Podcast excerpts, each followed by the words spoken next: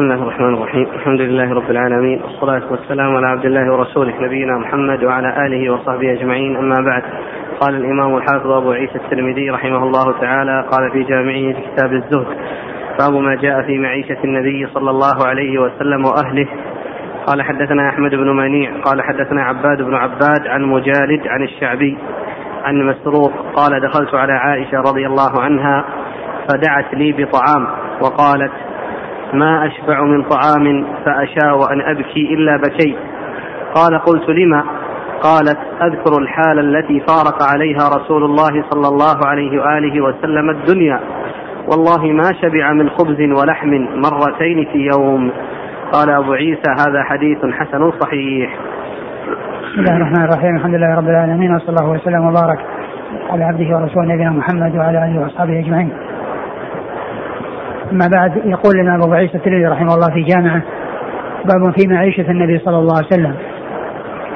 أي عيشه وقوته الذي كان يقتاته صلى الله عليه وسلم. وأنه كان كفافا وكان قليلا. وليس فيه كثره ولا توسع وإنما هو الكفاف. وهكذا كان رزق رسول الله صلى الله عليه وسلم كفافا. أورد فيه حديث عائشة رضي الله عنها أن النبي أن أن, أن أنها قالت ما ما يقول مسروق دخلت على عائشة فدعت لي بطعام. نعم. وقالت ما أشبع من طعام فأشاء أن أبكي إلا بكيت. قدمت لمسروق طعاما فقالت ما أشبع من طعام وما أشاء أن أبكي إلا بكيت. ف ثم قالت إن النبي صلى الله عليه وسلم قلت لما قالت أذكر الحال التي فارق عليها رسول الله صلى الله عليه وسلم الدنيا. والله ما شبع من خبز ولحم مرتين في يوم. وسألها مسروق عن آه كلامها هذا لما فقالت أن الرسول صلى الله عليه وسلم آه أنها تذكر ما ما كان عليه الرسول صلى الله عليه وسلم وأنه خرج من الدنيا وما شبع من آه خبز ولحم مرتين. وهذا ذكر الخبز واللحم وأنه يحصل له مرتين في اليوم وأنه لا يتكرر. هذا في إسناده. رجل فيه ضعف وهو مجالد وهو ليس بالقوي. ففيه ضعف لأن يعني هذا الكلام يدل على على حصول تكرر الأكل وتكرر الأكل اللحم والخبز يعني في اليوم مرتين. وقد كان من من من, من ما كان عليه الرسول صلى الله عليه وسلم أنه كما سيأتي في الأحاديث التي بعد هذا ما يدل على عدم حصول مثل ذلك له فالحديث بهذه بهذا اللفظ وبهذا الإسناد فالحديث بهذا اللفظ وبهذا الإسناد غير صحيح. نعم. قال حدثنا أحمد بن منيع هو ثقة أخرج أصحابه في الستة. عن عباد بن عباد وهو صدوق ثقة ربما وهم ثقة ربما وهم أخرج له. أصحاب الكتب نعم. عن مجالد مجالد وهو ليس بالقوي أخرج له. مسلم وأصحاب السنن نعم. عن الشعبي عن الشعبي وهو محمد وهو وهو آه عامر بن شراحيل الشعبي ثقة أخرج أصحابه في الستة. عن مسروق ومسروق بن الأجدع ثقة أخرج أصحابه في الستة. عن عائشة وعائشة أم رضي الله عنها وأرضاها. نعم. قال حدثنا محمود بن غيلان قال حدثنا أبو داود قال أنبأنا شعبة عن أبي إسحاق قال سمعت عبد الرحمن بن يزيد يحدث عن الأسود بن يزيد عن عائشة رضي الله عنها أنها قالت ما شبع رسول الله صلى الله عليه وآله وسلم من خبز شعير يومين متتابعين حتى قبض. قال أبو عيسى هذا حديث حسن صحيح وفي الباب عن أبي هريرة رضي الله عنه. ثم أورد حديث عائشة رضي الله عنها أن النبي صلى الله عليه وسلم ما شبع من خبز الشعير في يومين متتاليين حتى قبض عليه الصلاة والسلام.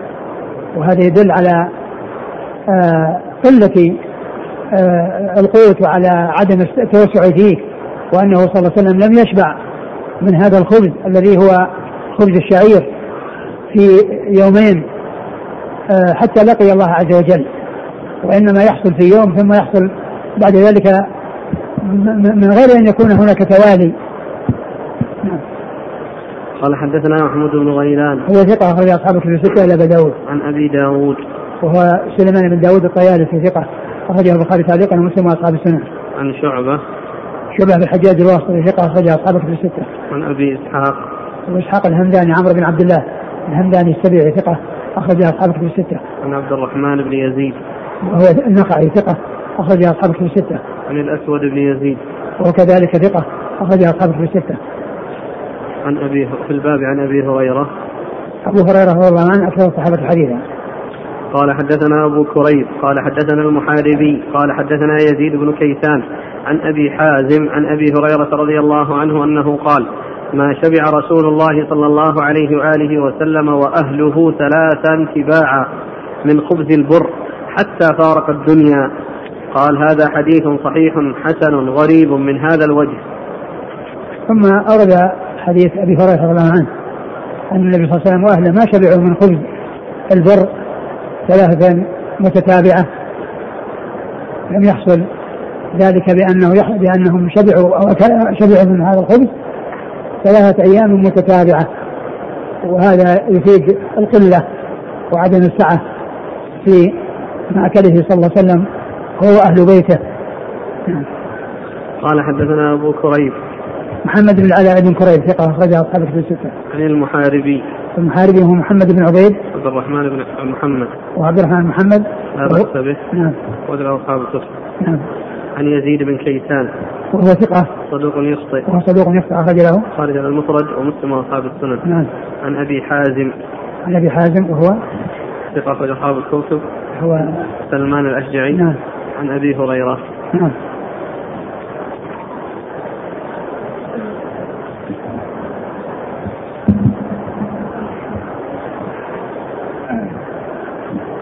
قال حدثنا عباس بن محمد الدوري قال حدثنا يحيى بن أبي بكير قال حدثنا حريز بن عثمان عن سليم بن عامر قال سمعت أبا أمامة رضي الله عنه يقول ما كان يفضل عن أهل بيت النبي صلى الله عليه وآله وسلم خبز الشعير؟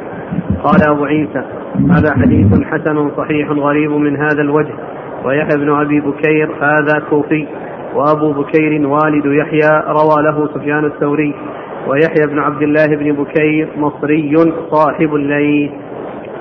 ثم أبو, أبو عيسى حديث أبي أمامة رضي الله عنه. أنه أنه أنه ما كان يفضل ما كان يفضل عن أهل بيت النبي صلى الله عليه وسلم خبز الشعير. ما كان يفضل عن أهل بيت النبي صلى الله عليه وسلم خبز الشعير.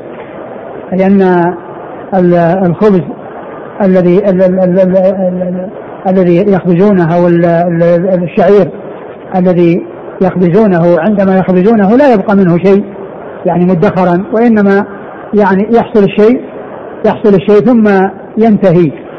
فلا يبقى شيء يخبزونه بأن يكون مدخرا وإنما يأتي ما ييسره الله عز وجل بعد ذلك. نعم. قال حدثنا عباس بن محمد الزوري. أو أنه لا يبقى منه شيء لقلته يعني هذا الذي يخبزونه لقلته ما يبقى منه فضل أهله وذلك لقلته لقلة ما يخبز نعم. عباس بن محمد الزوري ثقة أخرج أصحاب السنن. عن يحيى بن أبي بكير. وهو؟ ثقة أخرج أصحاب الكتب. نعم. عن حريز بن حريز بن عثمان. ثقة أخرج أصحاب الكتب. البخاري وأصحاب السنن. البخاري وأصحاب السنن. عن سليم بن عامر. وهو؟ ثقة أخرج البخاري في المفرد ومسلم وأصحاب السنن. نعم. عن أبي أمامة. أبو أمامة صدي بن عجلان الباهلي رضي الله عنه أخرج أصحاب الكتب الستة.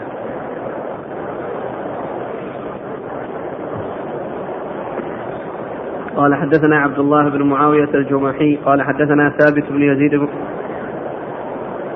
قال حدثنا عبد الله بن معاوية الجمحي قال حدثنا ثابت بن يزيد عن هلال بن خباب عن عكرمة عن ابن عباس رضي الله عنهما أنه قال كان رسول الله صلى الله عليه وآله وسلم يبيت الليالي المتتابعة طاويا وأهله لا يجدون عشاء وكان أكثر خبزهم خبز الشعير قال أبو عيسى هذا حديث حسن صحيح.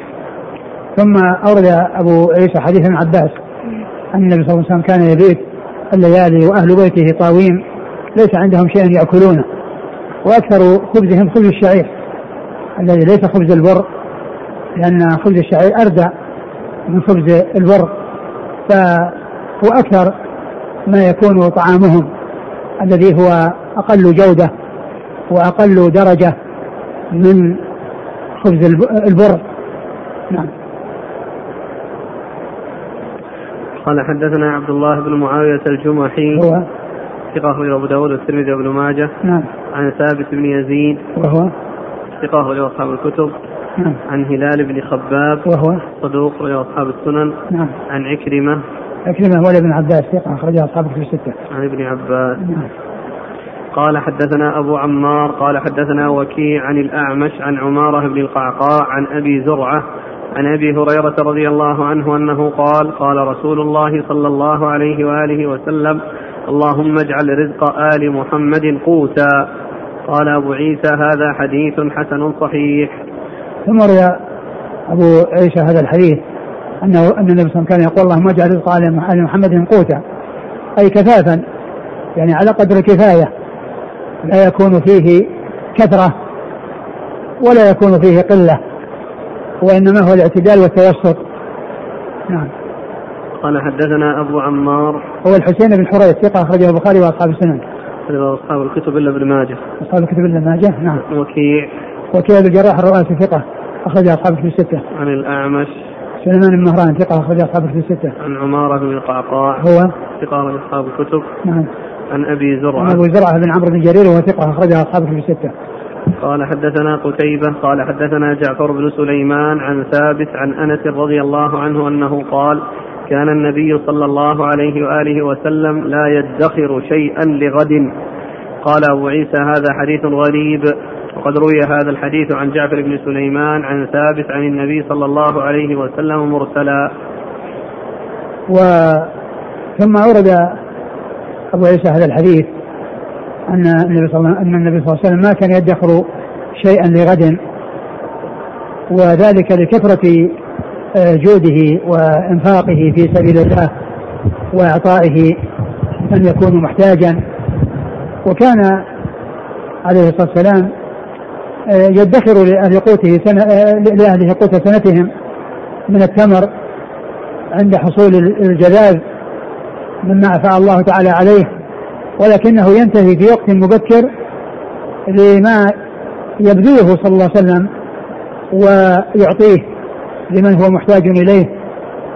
فكان يبقى المدة الطويلة ليس عنده شيء مع أنه قد ادخر لأهله قوت سنتهم ولكنه يفنى وينتهي لسخائه وجوده عليه الصلاة والسلام. وكان كما وصف ابن عباس في الصحيحين كان رسول الله صلى الله عليه وسلم أجود الناس. كان رسول الله صلى الله عليه وسلم أجود الناس. نعم. قال حدثنا قتيبة. ثقة أخرج أصحابك في الستة. عن جعفر بن سليمان. هو؟ صدوق رجل البخاري في المفرد ومسلم وأصحاب السنن. نعم. عن ثابت. ثابت بن أسلم البناني ثقة أخرج أصحابك في الستة. عن أنس. عن انس رضي الله عنه خادم النبي صلى الله عليه وسلم وهذا رباعي من الأسانيد العالية. عند الترمذي. قال حدثنا عبد الله بن عبد الرحمن قال أخبرنا أبو معمر عبد الله عبد الله بن عمرو. قال حدثنا عبد الوارث عن سعيد بن أبي عروبة عن قتادة عن أنس رضي الله عنه أنه قال ما أكل رسول الله صلى الله عليه وسلم على خوان ولا أكل خبزا مرققا حتى مات. قال هذا حديث حسن صحيح غريب من حديث سعيد بن أبي عروبة. ثم ورد حديث أنس. نعم. نعم حديث أنس رضي الله عنه. أن النبي صلى الله عليه وسلم آه ما أكل. ما أكل صلى الله عليه وسلم على خوان ما أكل على أخوان. يعني مكان الأخوان هو المائدة والمكان الذي يوضع عليه الطعام ويكون مرتفعا. ف يعني عندما يكون جالسا لا لا يطأطئ رأسه للطعام إذا كان حيث يكون في الأرض وإنما يكون في مكان مرتفع بحيث يتناول وهو على جلسته دون تطأطؤ ما كان يفعل ذلك صلى الله عليه وسلم وإنما كان يوضع الطعام في الأرض ويتناوله وهو عليه دون أن يوضع عليه شيء يرفعه فلا يحتاج إلى تطأطؤ بل يضعه على الأرض ويطأطئ رأسه للتناول منه والأكل صلوات الله وسلامه وبركاته عليه. وما شبع من خبز؟ ولا أكل خبزا مرققا حتى مات. وما أكل خبزا مرققا حتى مات. المرقق يعني هو الناعم الذي لجودة لجودة البر آه، آه، يكون خفيفا رقيقا وإنما كان يأكل أكثر أكل خبز الشعير. أكثر أكل خبز الشعير عليه الصلاة والسلام. نعم. قال حدثنا عبد الله بن عبد الرحمن. والمرقق يعني هو الذي يتخذه أهل التنعم. أهل التنعم هو هذا هو المرقق. الذي يقول الشاعر جارية لم تأكل المرقق ولم تذق من البقول الفستقى يعني ولم تأكل بدل البقول الفستقى قال حدثنا عبد الله بن عبد الرحمن. هو الدارمي ثقة أخرج له. مسلم وأبو داود والترمذي. نعم. عن أبي معمر عبد الله بن عمرو. وهو؟ ثقة أصحاب الكتب. نعم. عن عبد الوارث. عبد الوارث بن سعيد العنبري ثقة أخرج أصحاب الكتب. عن سعيد بن أبي عروبة. وهو ثقة أخرج أصحاب الكتب الستة. عن قتادة عن أنس. نعم. قال حدثنا عبد الله بن عبد الرحمن قال أخبرنا عبيد الله بن عبد المجيد الحنفي قال حدثنا عبد الرحمن بن عبد الله بن دينار قال أخبرنا أبو حازم عن سهل بن سعد رضي الله عنهما أنه قيل له أكل رسول الله صلى الله عليه وآله وسلم النقي يعني الحوار. فقال سهل ما رأى رسول الله صلى الله عليه وآله وسلم النقي حتى لقي الله؟ فقيل له هل كانت لكم مناخل على عهد رسول الله صلى الله عليه وسلم؟ قال ما كانت لنا مناخل. قيل فكيف كنتم تصنعون بالشعير؟ قال كنا ننفخه فيطير منه ما طار ثم نسريه فنعجنه. قال أبو عيسى هذا حديث حسن صحيح وقد رواه مالك بن أنس عن أبي حازم. ثم ورد أبو عيسى حديث سهل بن سعد رضي الله تعالى عنه أن أنه قال ما أكل؟ قيل له أكل رسول الله صلى الله عليه وسلم النقي يعني الحوار أكل النقي يعني الحوار يعني خبز المرقق الذي مر في الحديث السابق. فقال؟ فقال صلى الله عليه وسلم فقال سهل ما رأى رسول الله صلى الله عليه وسلم النقي حتى لقي الله. نعم وهذا مثل الذي قبله يعني إنه ما رآه نعم. فقيل هل كانت لكم مناخل على عهد رسول الله صلى الله عليه وسلم؟ فقال ما كانت لنا مناخل. هل كان لكم مناخل؟ يعني ينخل بها الدقيق حتى يتساقط الدقيق وتبقى النخالة لا تتساقط مع خروق المنخل المنخل فقال لا ما كان لهم مناخل قال كيف تصنعون بال كيف تصنعون؟ كيف تصنعون؟ قلت قال فكيف تصنعون بالشعير؟ كيف تصنعون بالشعير يعني الذي هو يكون قشر ويعني ليس دقيق. قالوا كانوا ينفخونه فيتطاير. ينفخونه فيتطاير. ثم نسريه فنعجنه. ثم يسرونه أي دقيق. يسرونه يعني يصبون عليه الماء فيعجنونه فيكون خبزا فيخبزونه الذي هو الشعير. بعدما يزيلون ذلك الذي آه، يزيلونه منه الذي هو بمثابة النخالة. نعم. قال حدثنا عبد الله بن عبد الرحمن عن عبيد الله بن عبد المجيد الحنفي. هو؟ صدوق من أصحاب الكتب. عن عبد الرحمن بن عبد الله بن دينار. وهو؟ صدوق يخطئ. وله البخاري وأبو داود والترمذي والنسائي. عن أبي حازم. أبو حازم هو؟ سلمة بن دينار ثقة نعم. أصحاب الكتب. نعم. عن سهل بن سعد. سهل بن سعد الساعدي رضي الله عنه أخرجه أصحاب الكتب الستة. قال رحمه الله تعالى باب ما جاء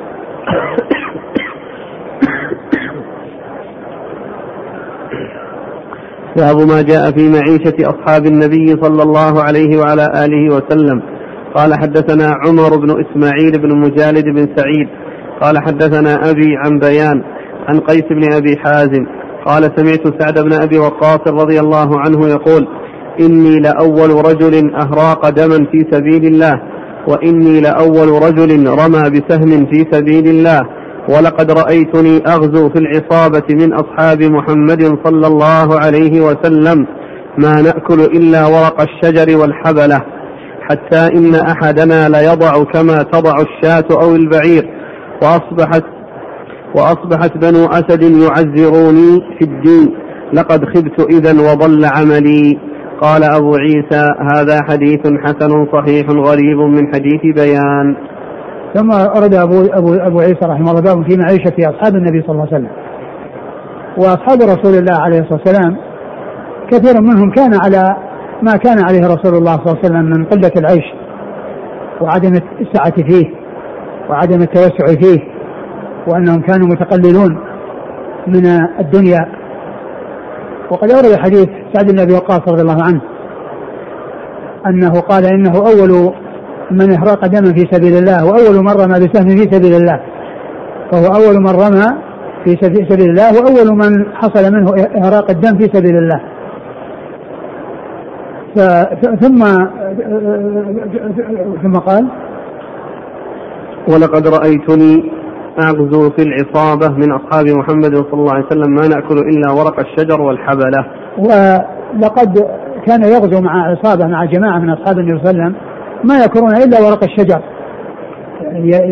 يضربون الشجر فيخبطونه ب... ثم يتساقط الش... الورق فيأكلونه ويخمرونه بالماء ويأكلونه ويشربون عليه الماء.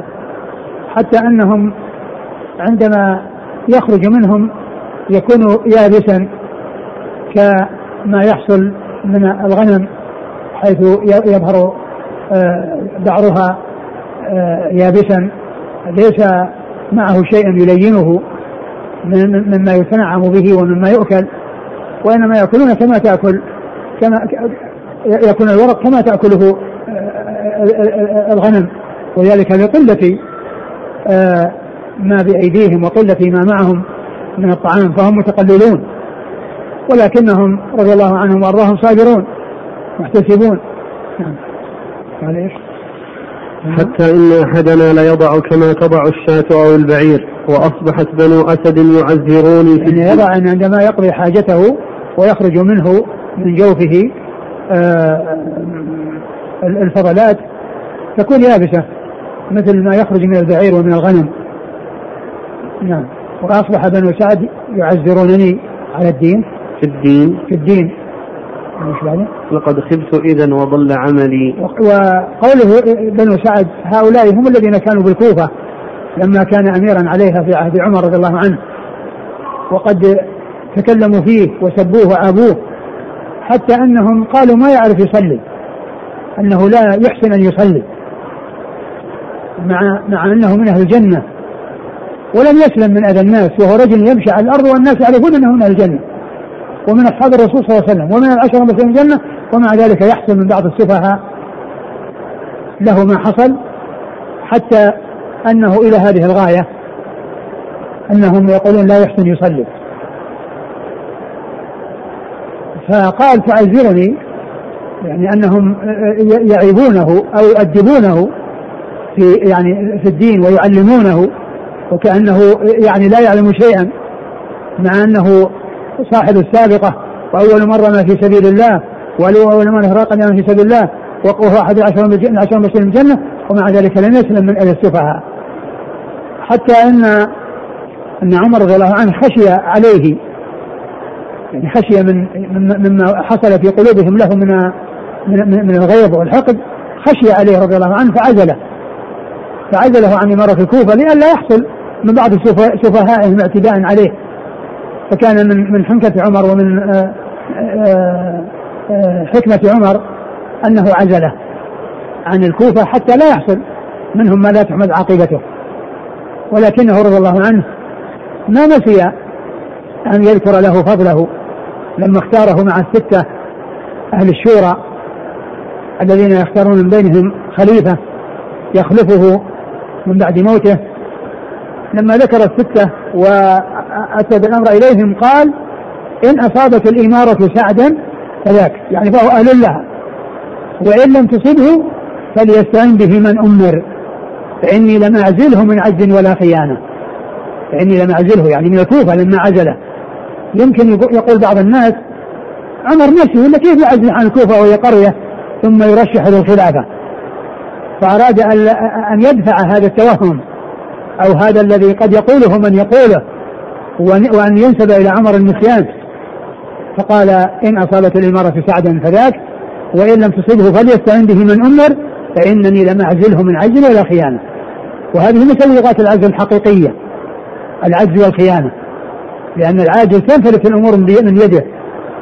ولو كان مستقيما والخائن وإن كان قويا فيضع قوته في غير موضعها ويضع الأمور في غير موضعها ولكن إذا اجتمعت القوة والأمانة هذه التي يحصل بها استقامة الأمور. القوة حتى لا تنفلت الأمور والأمانة حيث توضع الأمور توضع الأشياء في في مواضعها الصحيحة. فسعد رضي الله عنه وهو من هو؟ لم يسلم من أذى الناس حتى قالوا فيه إنه لا يحسن يصلي. وقد ذكر ذلك عمر له أنهم قالوا أنهم كانوا يقولون كذا. فقال إني كنت أصلي بهم صلاة رسول الله صلى الله عليه وسلم. فأطيل في الأوليين وأقصر في الأخريين. فقال هذا هو الظن بك يا أبا إسحاق. هذا هو الظن بك يا أبا إسحاق. ولكنه رضي الله عنه عزله للمصلحة التي رآها حتى لا يحصل من هؤلاء السفهاء. ولما آآ آآ جاء من يسأل آه، عن هذا الذي حصل بينهم وبين سعد بن أبي وقاص آه، قال سألهم عن سعد فقال واحد منهم إنه كان لا يقسم بالسوية ولا يعدل في القضية وأتى له بسجع فدعا عليه سعد رضي الله عنه وكان مستجاب الدعوة فقال اللهم إن كان كاذبا فيما يقول فأطل عمره وأكثر فقره وعرضه للفتن. وقد طال عمره و, و, وعمي وافتقر وصار مع ذلك يتابع النساء. ومع ذلك كان يتابع النساء. فأصابته دعوة سعد رضي الله عنه وأرضاه. نعم. تعذرني؟ تعذرني؟ وأصبحت وأصبحت بنو أسد يعذروني في الدين. لقد خبت إذا وضل عملي. لقد خبت إذا وضل عملي. إذا كان إذا إذا كان صاحب الرسول صلى الله عليه وسلم وتلقى عنه ثم بنو سعد هؤلاء السفهاء هم الذين يعلمونه وهم الذين يفقهونه في الدين ويعترضون عليه في صلاته مع أنه كان يصلي بهم صلاة الرسول صلى الله عليه وسلم التي كان شاهدها ورآها وهو خلف رسول الله صلى الله عليه وسلم. والحاصل أن أن السفه آه، يبلغ بأصحابه إلى أن يتجاوز الحدود كما حصل لهذا الرجل العظيم الذي هذه منزلته وهذه حاله ومع ذلك يأتي من السفهاء من يقول إنه لا يحسن يصلي. يعني شدة غيب شدة آه، آه، حقد عليه رضي الله عنه على رجل من يعتبر من الخيار. أو من خيار الخيار بل هو من خيار الخيار لأن العشرة المبشرين للجنة هم أفضل أصحاب الرسول صلى الله عليه وسلم بعد الخلفاء الراشدين والخلفاء الراشدين هم مقدم العشرة المبشرين بالجنة. نعم. قال حدثنا عمر بن إسماعيل بن مجالد بن سعيد. هو؟ مسروق غير الترمذي. نعم. عن أبيه. وهو؟ صدوق يخطئ. البخاري والترمذي والنسائي في مسند علي. نعم. عن بيان وهو ثقة أخرج أصحاب الكتب. نعم. عن قيس بن أبي حازم. وهو ثقة أخرج أصحاب الكتب الستة. عن سعد بن أبي وقاص سعد بن وقاص. رضي الله عنه أحد العشرة رضي الله تعالى عنه. والحديث فيه هذا الرجل متروك لكن الحديث جاء من طرق كثيرة في الصحيحين وفي غيرهما. نعم. يقول السائل ألا يكون هذا من تزكية النفس؟ في قوله إني لأول رجل أهراق دما في سبيل الله وأول رجل رمى بسهم في سبيل الله. هذا هذا قيل للحاجة. أقول هذا قيل للحاجة عندما آه، وجد من يقول في هذه المقالة وأنه آه، آه، يحتاج إلى أن يعلم الدين يعلمه سفهاء من الناس وهو من هو أراد أن يبين حاله أنا كنت كذا وكذا ومع ذلك يعني هؤلاء يقولون فيه كذا وكذا. مثل ما قال عثمان رضي الله عنه لما حصر ألستم تعلمون؟ أن الرسول قال كذا وأن وأني فعلت كذا وأنني جهزت الجيش وأني كذا وأني كذا يعني يبين آه، حاله ومنزلته وأن وأن وأنه مع هذه المنزلة فإنه وجد من آه، يعترض هذا الاعتراض ويؤذي هذا الإيذاء.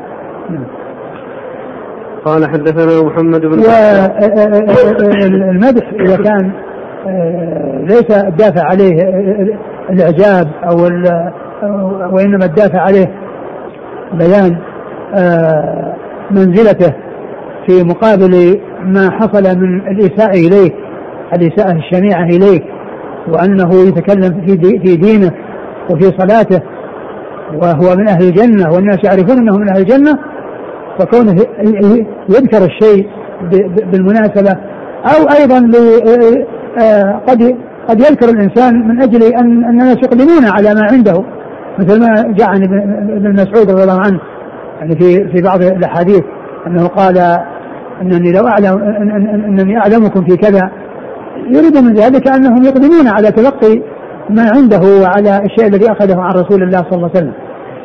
الشارح ذكر كلاما جيد يعني حول حول هذه المسألة من ناحية التزكيه وأن المدح مدح النفس يكون أحيانا آه، سائغ وأحيانا ليس بسائغ. قال ابن الجوزي إن قيل كيف ساغ لسعد أن يمدح نفسه؟ ومن شأن المؤمن ترك ذلك لثبوت النهي عنه. فالجواب أن ذلك ساغ أن ذلك ساغ له لما عيره الجهال بأنه لا يحسن الصلاة فاضطر إلى ذكر فضله. والمدحة إذا خلت من البغي والاستطالة وكان مقصود قائلها إظهار الحق وشكر نعمة الله لم يكره. كما لو قال القائل إني لحافظ لكتاب الله عالم بتفسيره وبالفقه في الدين قاصدا إظهار الشكر أو تعريف ما عنده ليستفاد. ولو لم يقل ذلك لم يعلم حاله. ولهذا قال يوسف عليه السلام إني حفيظ عليم. وقال علي سلوني عن كتاب الله. وقال ابن مسعود لو أعلم أحدا أعلم بكتاب الله مني لأتيته. وساق في ذلك أخبارا وآثارا من الصحابة والتابعين تؤيد ذلك.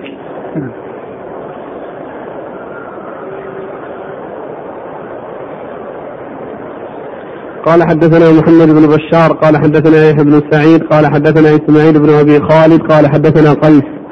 قال سمعت سعد بن مالك رضي الله عنه يقول إني أول رجل من العرب رمى بسهم في سبيل الله. ولقد رأيتنا نغزو مع رسول الله صلى الله عليه وسلم وما لنا طعام إلا الحبلة وهذا السمر. حتى إن أحدنا ليضع كما تضع الشاة ثم أصبحت بنو أسد يعذروني في الدين. لقد خبت إذا وضل عملي. قال أبو عيسى هذا حديث حسن صحيح وفي الباب عن عتبة بن غزوان رضي الله عنه. ثم ورد حديث سعد بن أبي وقاص وهو سعد بن مالك رضي الله تعالى عنه وهو مثل الذي قبله في بيان حالهم وعيشهم وأنهم كانوا متقللين وأنهم يأكلون آه، ورق الشجر وأنهم آه، يصنعون كما تصنع الدواب في الخارج منها يعني الذي يخرج منهم كالذي يخرج ليس معه شيء لينه بل يكون يابسا كما يكون ذلك من البهائم. ثم ذكر ما ذكر عن بني سعد وجهالهم وسفهاءهم نعم وهو مثل الذي قبله الحديث الذي قبله في رجل متروك وهو نفس المعنى الذي في هذا الحديث الذي هو من طريق صحيح. نعم.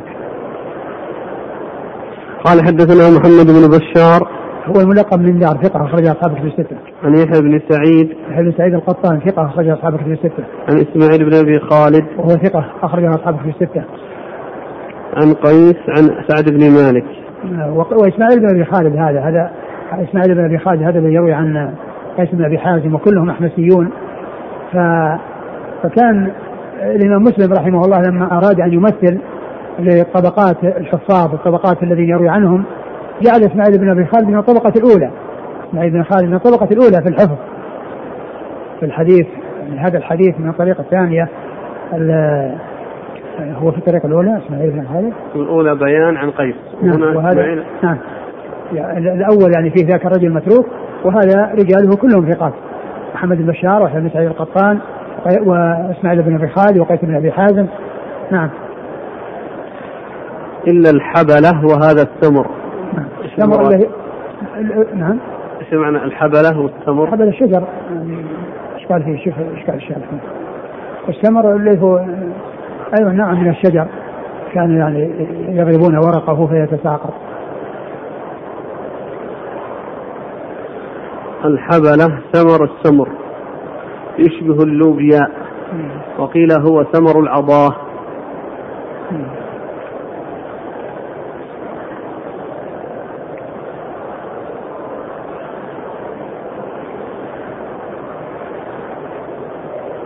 ولما قالوا هذا السمر قال في النهاية هو ضرب من شجر الطلح الواحدة سمرة.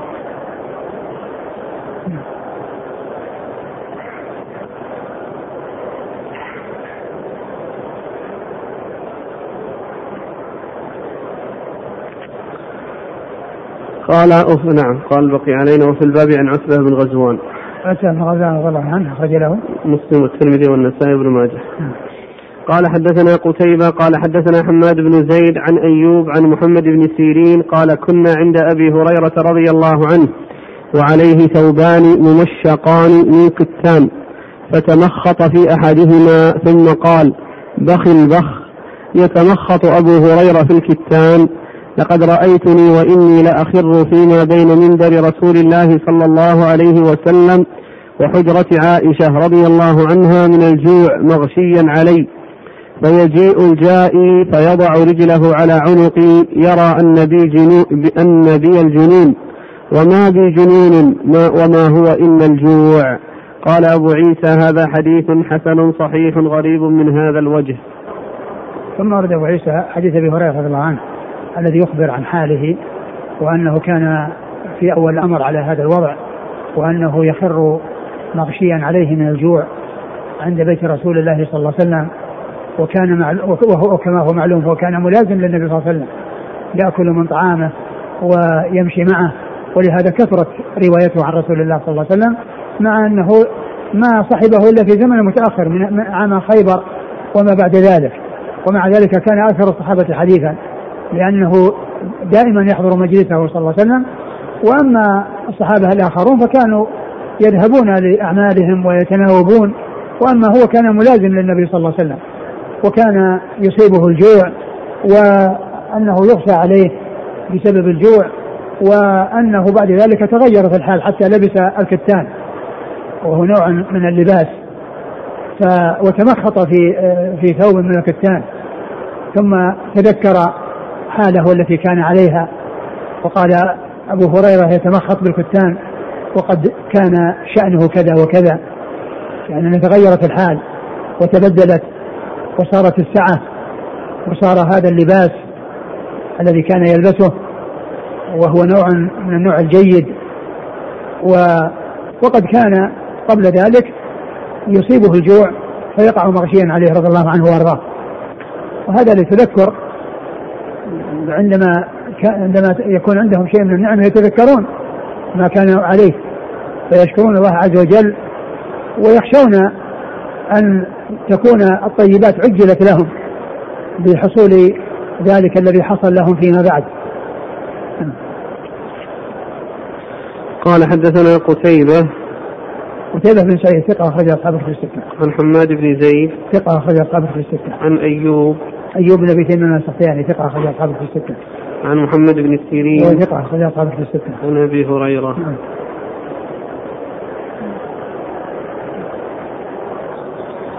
يقول في هذا الحديث قوله فيجيء الجائي فيضع رجله على عنقي يرى أن بي النبي الجنون. استدل بعضهم به على جواز ضرب المصروع عند الرقية. فهذا الاستدلال صحيح؟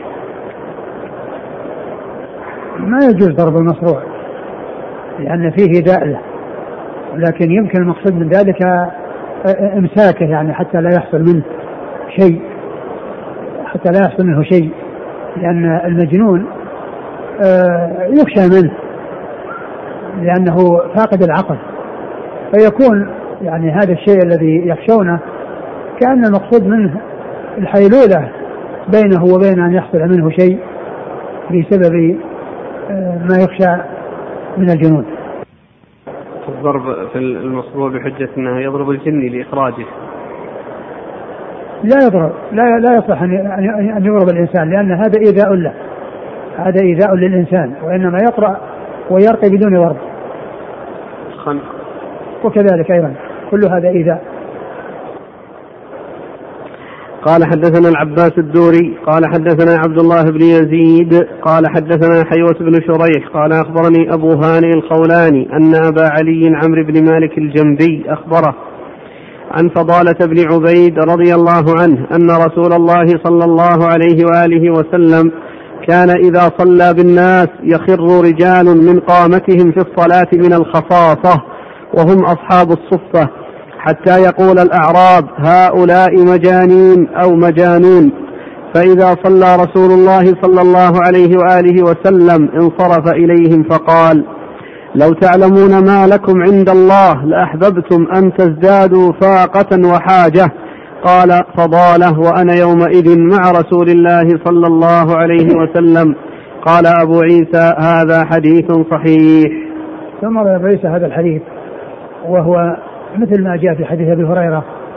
إن أهل الصفة وهم الفقراء الذين ليس عندهم مساكن وليس عندهم أهل وهم آآ آآ يأكلون مما يحصل من مما يطعمهم إياه النبي صلى الله عليه وسلم مما يأتي مما يأتي إليه و ويسكنون في هذا المكان ويطعمون من الطعام الذي يحصل لهم وكان يصيبهم الجوع وأبو هريرة منهم رضي الله عنه ولهذا كان يحصل له مثل ما حصل لهم.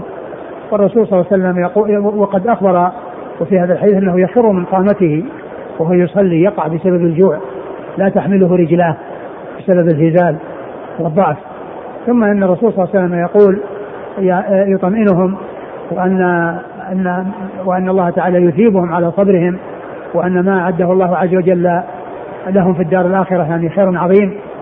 وأن الفقير إذا صبر واحتسب فإنه يؤجر كما أن الغني إذا شكر فإنه يؤجر.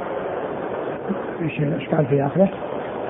قال لو تعلمون ما لكم عند الله لأحببتم أن تزدادوا فاقة وحاجة نعم.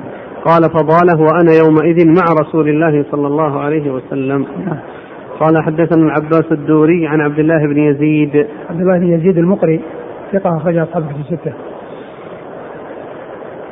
عن حيوة بن شريح وهو ثقة أخرج أصحابه في الستة. عن أبي هانئ الخولاني وهو لا بأس به أخرج البخاري المفرد ومسلم وأصحاب السنن. نعم. عن أبي علي عمرو بن مالك وهو ثقة أخرج البخاري المفرد وأصحاب السنن. نعم. عن فضالة بن عبيد أخرج له خالد المفرد ومسلم وأصحاب السنن. نعم. يقول أرجو من الشيخ زيادة توضيح عن أصحاب الصفة لأنه يستدل بهم على حجية التصوف. الصفة مكان مكان معين يقال له الصفة والتصوف آه الذي ابتلي به كثير من الناس في و آه صار فيه خرافات وصار فيه منكرة وبدع. هذا في وادي وما كان عليه أصحاب الرسول صلى الله عليه وسلم في واد آخر. هؤلاء لا مساكن لهم وهم غرباء ولا مأوى لهم. فكانوا يأون إلى هذا المكان الذي هو في المسجد. فليس فيه آه هذا الذي فليس فيه شاهد في هذا الذي ابتلي به كثير كثير من الناس في هذا الزمان في في أماكن مختلفة من التصوف وأن ومدحه والثناء عليه وهو في الغالب خرافات وبدع وطرق محدثة ما أنزل الله تعالى بها من سلطان. فهذا في واد وما حصل لأصحاب الرسول صلى الله عليه وسلم في واد آخر. مكانه أحسن الله حيث يظن الناس أن هذه الدكة اللي خلف الحجرة. ما ما نعلم مكانه بالضبط. ومكان المسجد الآن تطبيقه على مكانه السابق لا لا نعلمه. وهذه هذه الدكة ما نعلم لها أساس. يعني آه، ومعلوم أن المسجد بني آه، وحصل له آه، عمر عدة عمارات. فما في يعني شيء يدل على أن هذا هو المكان وكذا الذي هو مكان صفه. وحتى لو عرف ما له ما له خصيصة يخص بها. المسجد كله الصلاة فيه في الصلاة والروضة ما بين القبر والمنبر له فضل خاص في قوله ما بين بيتي ومنبري روضة من رياض الجنة. وهذه الدكة التي تقع خلف القبر من يأتي ويقصد الصلاة فيها ويتعمد فإنه يتعمد مخالفة الرسول صلى الله عليه وسلم في قوله لا تصلوا إلى القبور. لا تصلوا إلى القبور. وهذا من مخالفة السنة. إذا كان هذا فعل التصوف أو من يفعله تصوف معناه أنه مخالف للسنة. في قوله صلى الله عليه وسلم لا تصلوا إلى القبور قال حدثنا محمد بن إسماعيل قال حدثنا آد بن أبي إياس قال حدثنا شيبان أبو معاوية قال حدثنا عبد الملك بن عمير عن أبي سلمة بن عبد الرحمن عن أبي هريرة رضي الله عنه أنه قال خرج النبي صلى الله عليه وسلم في ساعة لا يخرج فيها ولا يلقاه فيها أحد فأتاه أبو بكر رضي الله عنه فقال ما جاء بك يا أبا بكر؟ فقال خرجت ألقى رسول الله صلى الله عليه وآله وسلم وأنظر في وجهه والتسليم عليه فلم يلبث أن جاء عمر رضي الله عنه فقال ما جاء بك يا عمر؟ فقال الجوع يا رسول الله. قال فقال رسول الله صلى الله عليه وسلم وأنا قد وجدت بعض ذلك. فانطلقوا إلى منزل أبي الهيثم بن التيهان الأنصاري رضي الله عنه وكان رجلا كثير النخل والشاء ولم يكن له خدم فلم يجدوه. فقالوا لامرأته أين صاحبك؟ فقالت انطلق يستعذب لنا الماء فلم يلبثوا أن جاء أبو الهيثم بقربة يزعبها فوضعها. ثم جاء يلتزم النبي صلى الله عليه وسلم ويفديه بأبيه وأمه ثم انطلق بهم إلى حديقته فبسط لهم بساطا ثم انطلق إلى نخلة فجاء بقنو فوضعه فقال النبي صلى الله عليه وسلم أفلا تنقيت لنا من رطبه؟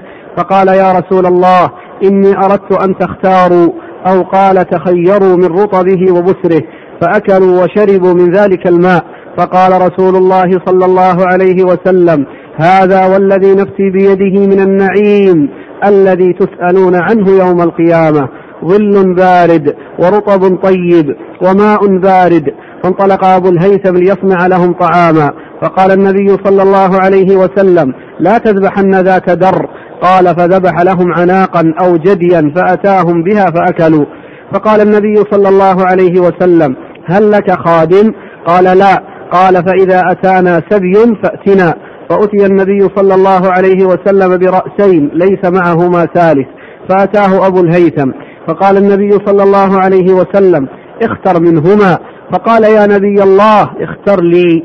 فقال النبي صلى الله عليه وسلم إن المستشار مؤتمن خذ هذا فإني رأيته يصلي واستوصي به معروفا. فانطلق أبو الهيثم إلى امرأته فأخبرها بقول رسول الله صلى الله عليه وسلم فقالت امرأته ما أنت ببالغ ما قال فيه النبي صلى الله عليه وسلم إلا أن تعتقه. قال فهو عتيق. فقال النبي صلى الله عليه وسلم إن الله لم يبعث نبيا ولا خليفة إلا وله بطانتان بطانة تأمره بالمعروف وتنهاه عن المنكر وبطانة لا تألوه خبالا ومن يوق بطانة السوء فقد وقي. قال أبو عيسى هذا حديث حسن صحيح غريب. ثم أورد أبو عيسى هذا الحديث حديث حديث الصحابي أبي هريرة. أبي هريرة رضي الله عنه. عاد أوله حديث طويل أوله. خرج النبي صلى الله عليه وسلم في ساعة لا يخرج فيها ولا يلقاه فيها أحد. فأتاه أبو بكر فقال ما جاء بك يا أبا بكر؟ فقال خرجت ألقى رسول آه الرسول صلى الله عليه وسلم أبو هريرة يحكي ولعله كان مع النبي صلى الله عليه وسلم لأنه كان كما هو معلوم ملازم كان ملازما له. يأكل من طعامه ويشرب من شرابه ويصحبه في ذهابه وإيابه ولهذا كثر حديثه. وهو يحكي أن أن الرسول صلى الله عليه وسلم خرج في ساعة ما كان يخرج فيها وكان أخرجه الجوع. فلقي أبا بكر فقال ما الذي أخرجك؟ فقال لألقى الرسول صلى الله عليه وسلم وأنظر في وجهه وثم جاء عمر فقال ما الذي أخرجك قال الجوع. قال وأنا وجدت شيئا من ذلك أي أنه عنده عنده الذي عند عمر. فذهبوا جميعا إلى إلى هذا هذا الرجل من الأنصار ابن التيهان. فلم يجدوه وكان ذاهبا يأتي بالماء العذب. فلما جاء فرح بالرسول صلى الله عليه وسلم وسر و وضع لهم بساطا في في ظل وأتى بقنو من من من النخل وضعه ليأكلوا منه. فالنبي صلى الله عليه وسلم قال ألا انتقيت لنا منه؟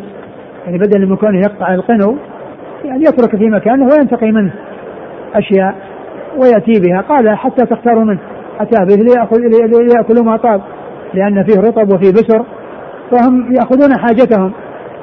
والرسول صلى الله عليه وسلم قال ألا اخترت لنا منه يعني بدلا من كونك تقطعه وتأتي به تتركه في مكانه في النخلة ولكن تأخذ منه. آه، أشياء تقدمها لنا. قال أردت أن تنتقوا وتأخذوا ما, ما, ما يعجبكم. ثم آه، ثم إيش؟ فاكلوا وشربوا من ذلك الماء. فقال صلى الله عليه وسلم هذا والذي نفسي بيده من النعيم الذي تسألون عنه يوم القيامة. فأكلوا من هذا القنو وشربوا من هذا الماء الذي جاء به مستعربا عذبا أتى به في هذه القربة ولم يكن له خادم لأنه كان هو الذي يخدم نفسه وكان يذهب يأتي بالماء. ثم إنه أراد أو ذهب آه، ليصنع لهم طعاما وكان وأراد وذهب ليذبح ذبيحة فالرسول صلى الله عليه وسلم قال لا لا لا, لا تذبح بها الدر التي لها لبن في بعض الألفاظ إياك والحلوب. يعني اترك التي فيها لبن حتى يستفاد من لبنها ويذبح يعني شيئا ليس من هذا الوصف فذبح عناقا أو جديا ثم صنعه وطبخه واتوا به وأكلوا. والرسول صلى الله عليه وسلم قال لتسالن عن هذا النعيم ظل بارد وماء بارد ورطب. ورطب طيب. ورطب طيب. نعم. قال هل لك خادم؟ قال لا. قال فإذا أتانا قال هل لك خادم؟ هذا السؤال لأنه كان آه، سببه أنه كان هو الذي ذهب يأتي بالماء المستعذب الماء العذب. ليس هناك خادم يخدمه حتى يبقى في مكانه ويذهب الخادم ويأتي بالماء. قال هل لك خادم؟ وسبب السؤال أنه هو الذي كان يخدم نفسه وهو الذي ذهب ليأتي بالماء. قال هل لك من خادم إذا قال لا قال فإذا أتانا سبي فأتنا. إذا أتانا سبي فأتنا أي لنعطيك خادما. نعم. فأتي النبي صلى الله عليه وسلم برأسين ليس معهما ثالث. رأسين أي آه، غلامان ليس لهما ثالث. فجاء وقال اختر أيهما خير هذا الصحابي الذي وعده بأن يعطيه خادما. فقال اختر فقال اختر لي يا رسول الله. فعند ذلك قال الرسول صلى الله عليه وسلم إن المستشار مؤتمن أي أنه ينصح لمن استشاره ويكون أمينا يختار لمن استشاره ما فيه ما يرى فيه الخيرة وما يرى فيه المصلحة والفائدة. فاختار له واحدا وقال إنه كان آه، في الصلاة. إني رأيته يصلي. إني رأيته يصلي.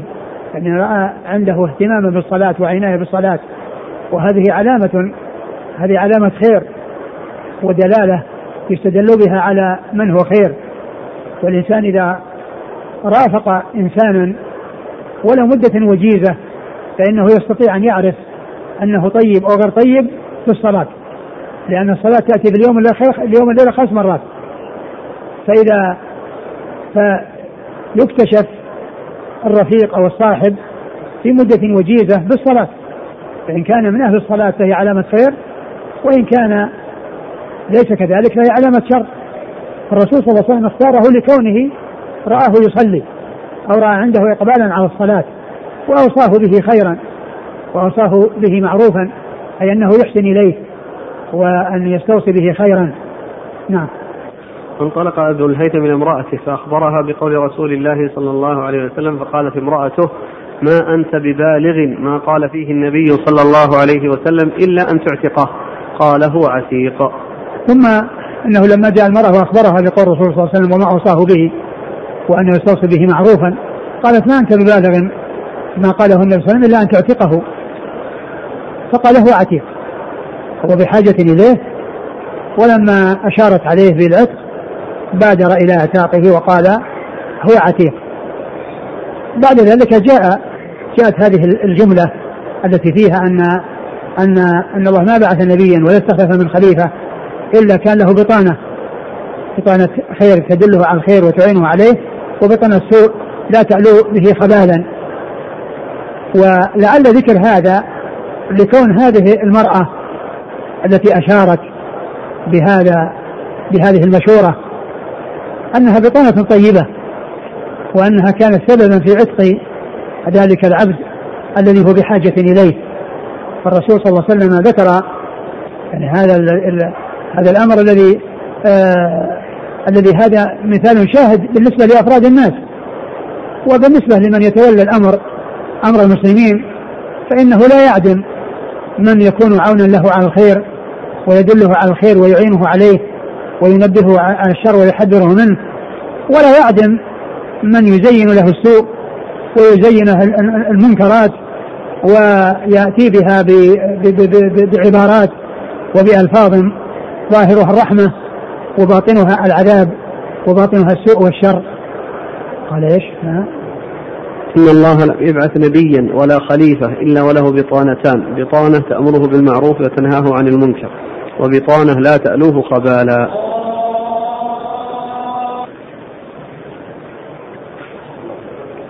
نعم. ومن يوق بطانة السوء فقد وقي. ومن يوق بطانة السوء فقد وقي. يعني حصلت له السلامة من الشر. فالبطانة صالحة مثل جليس الصالح. الفائدة حاصلة ومحققة. والبطانة السيئة المضرة فيها محققة. فالذي يحفظ من وقاء من بطانة السوء هذا هو الذي وقي. لأنه وقي الشر. الذي يأتي عن طريق هذه البطانة التي تدل على الشر وترغب فيه وتظهر في مظهر النصح وأنها تريد الخير لمن تخاطبه وهي تضمر خلاف ذلك. نعم. قال حدثنا محمد بن إسماعيل. هو البخاري. نعم. عن آدم بن أبي إياس. ثقة أخرج له البخاري وأبو داود في مسلم الناسخ نعم. والترمذي والنسائي بن ماجه. نعم. عن شيبان. هو بن عبد الرحمن ثقة أخرج أصحاب في الستة. عن عبد الملك بن عمير. وهو؟ ثقة أخرج أصحاب الكتب. نعم. عن أبي سنة بن عبد الرحمن. نعم. ثقة أخرج أصحاب في الستة. عن أبي هريرة. نعم. هل يجوز للمرأة أن تدخل لبيتها الضيوف الذين لديهم فضل وشأن كما فعلت زوجة أبي التيهان؟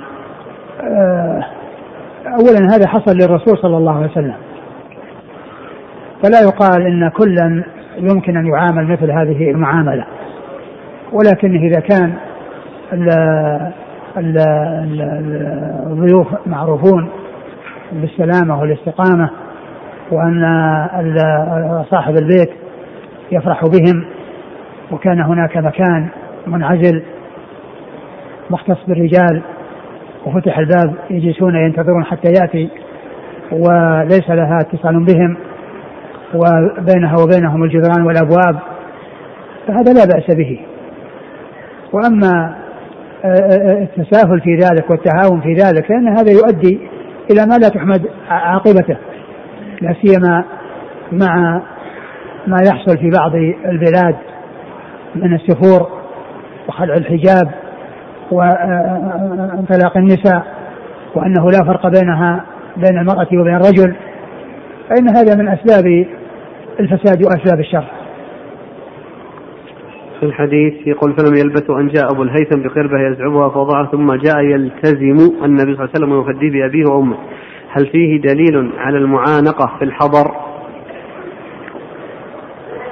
يمكن أن يستدل به. ويمكن أن يكون أنها اللي كان فيه مدة طويلة أو كان بينه وبينه مسافة. فيمكن أن يستدل به.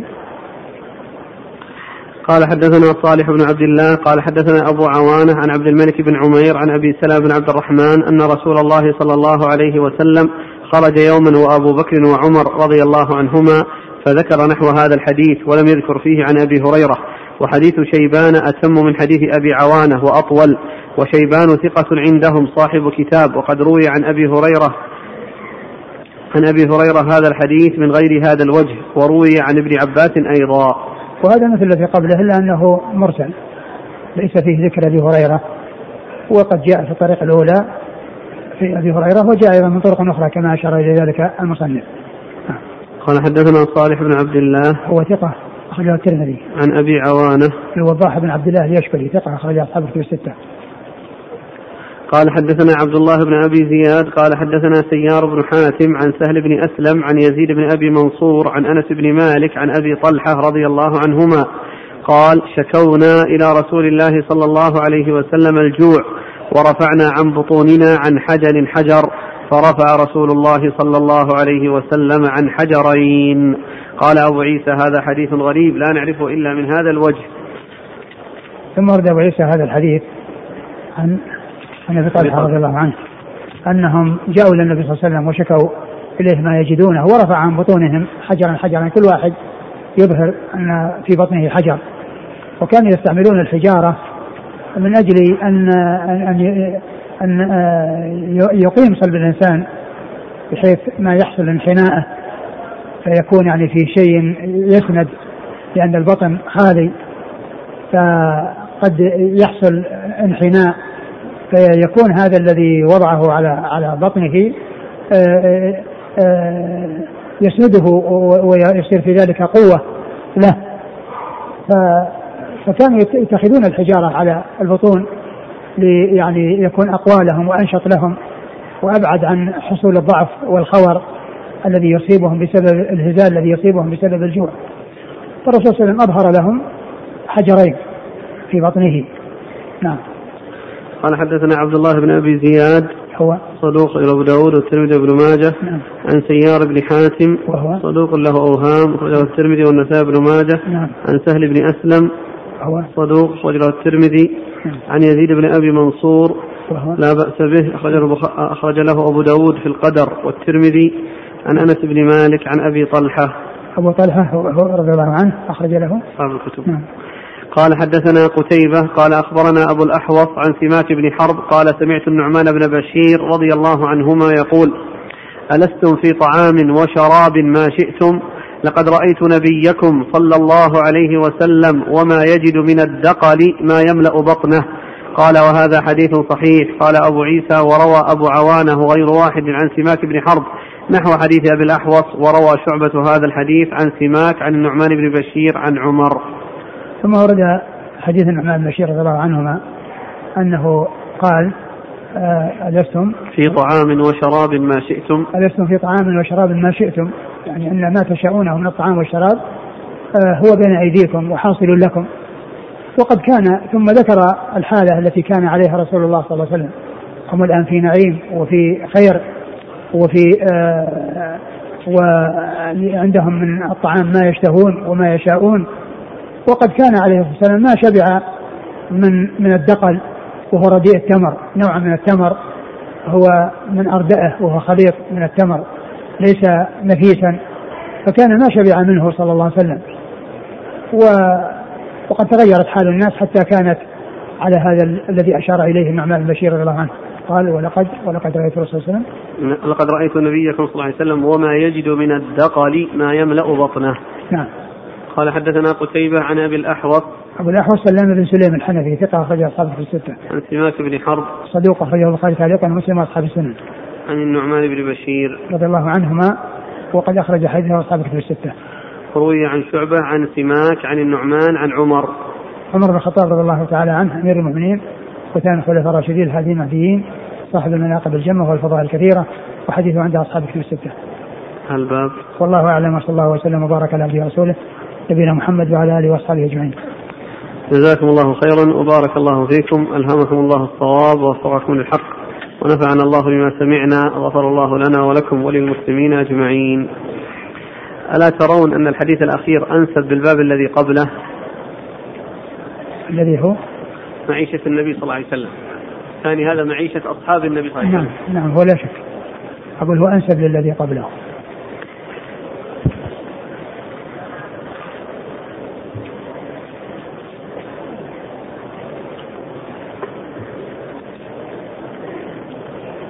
جاءت أسئلة لما ذكر مسألة الخوان أو الخوان. الجلوس على الطاولة والأكل على الطاولات. ما في بس أقول لا بأس بذلك. أقول ما في أقول ما يمنع من هذا. إذا كان الناس جلسوا على كراسي وفي طاولات موضوعة طعام عليها لا بأس به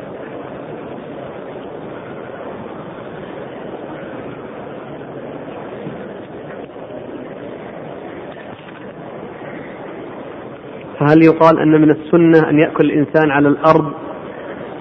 لا شك أن هذا هو, هو, هو الأولى وهو الذي ينبغي. إذا كان الرجل متوسعا في أكله ولبسه هل يثرب عليه؟ وهل يعتبر هذا منافيا لهدي المصطفى وأصحابه؟ إذا كان فيه زيادة عن الاعتدال والوسط يمكن. وأما إذا كان آه، متوسطا ليس فيه يعني زيادة وليس فيه مغالاة فالرسول صلى الله عليه وسلم جاء عنه أنه قال إن الله إذا أنعم على عبد يحب أن يرى أثر نعمته على عبده. لكن كما قال الله عز وجل الذين أنفقوا لم يسرفوا ولم يقتروا وكان بين ذلك قواما. هل من الزهد أن يترك الإنسان الطعام ويأكل القليل كي يمتثل بحال الصحابة مع العلم بأن لديه مال يكفيه للشبع؟ يأكل الذي يكفيه ولكن لا يتوسع ولا يسرف كلوا واشربوا ولا تسرفوا. كيف نجمع بين دعائه صلى الله عليه وسلم اللهم إني أعوذ بك من الفقر؟ وهنا لما قال لاصحاب الصفة استحب لهم الفاقة والحاجة. لأنهم واقعون واقعون في شيء وحصل لهم ما حصل وأراد أن يبين ثوابهم الذي قد حصل ويطمئنهم إلى أن ما أمامهم خير مما فاتهم.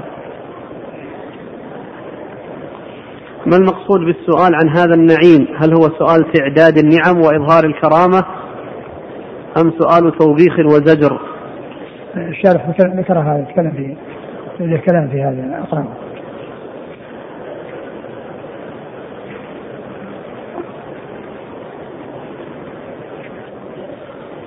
يقول يقول جملة يقول الطيبي آه، جملة مستأنفة بيان لموجب السؤال عن النعيم يعني حيث كنتم محتاجين إلى الطعام مضطرين إليه فنلتم غاية مطلوبكم من الشبع والري. يجب أن تسألوا ويقال لكم هل أديتم شكرها أم لا؟ وقال النووي فيه دليل على جواز الشبع وما جاء في كراهته فمحمول على المداومة عليه لأنه يقسي القلب وينسي أمر المحتاجين. وأما السؤال عن هذا النعيم فقال القاضي عياض المراد السؤال عن القيام بحق شكره والذي نعتقده.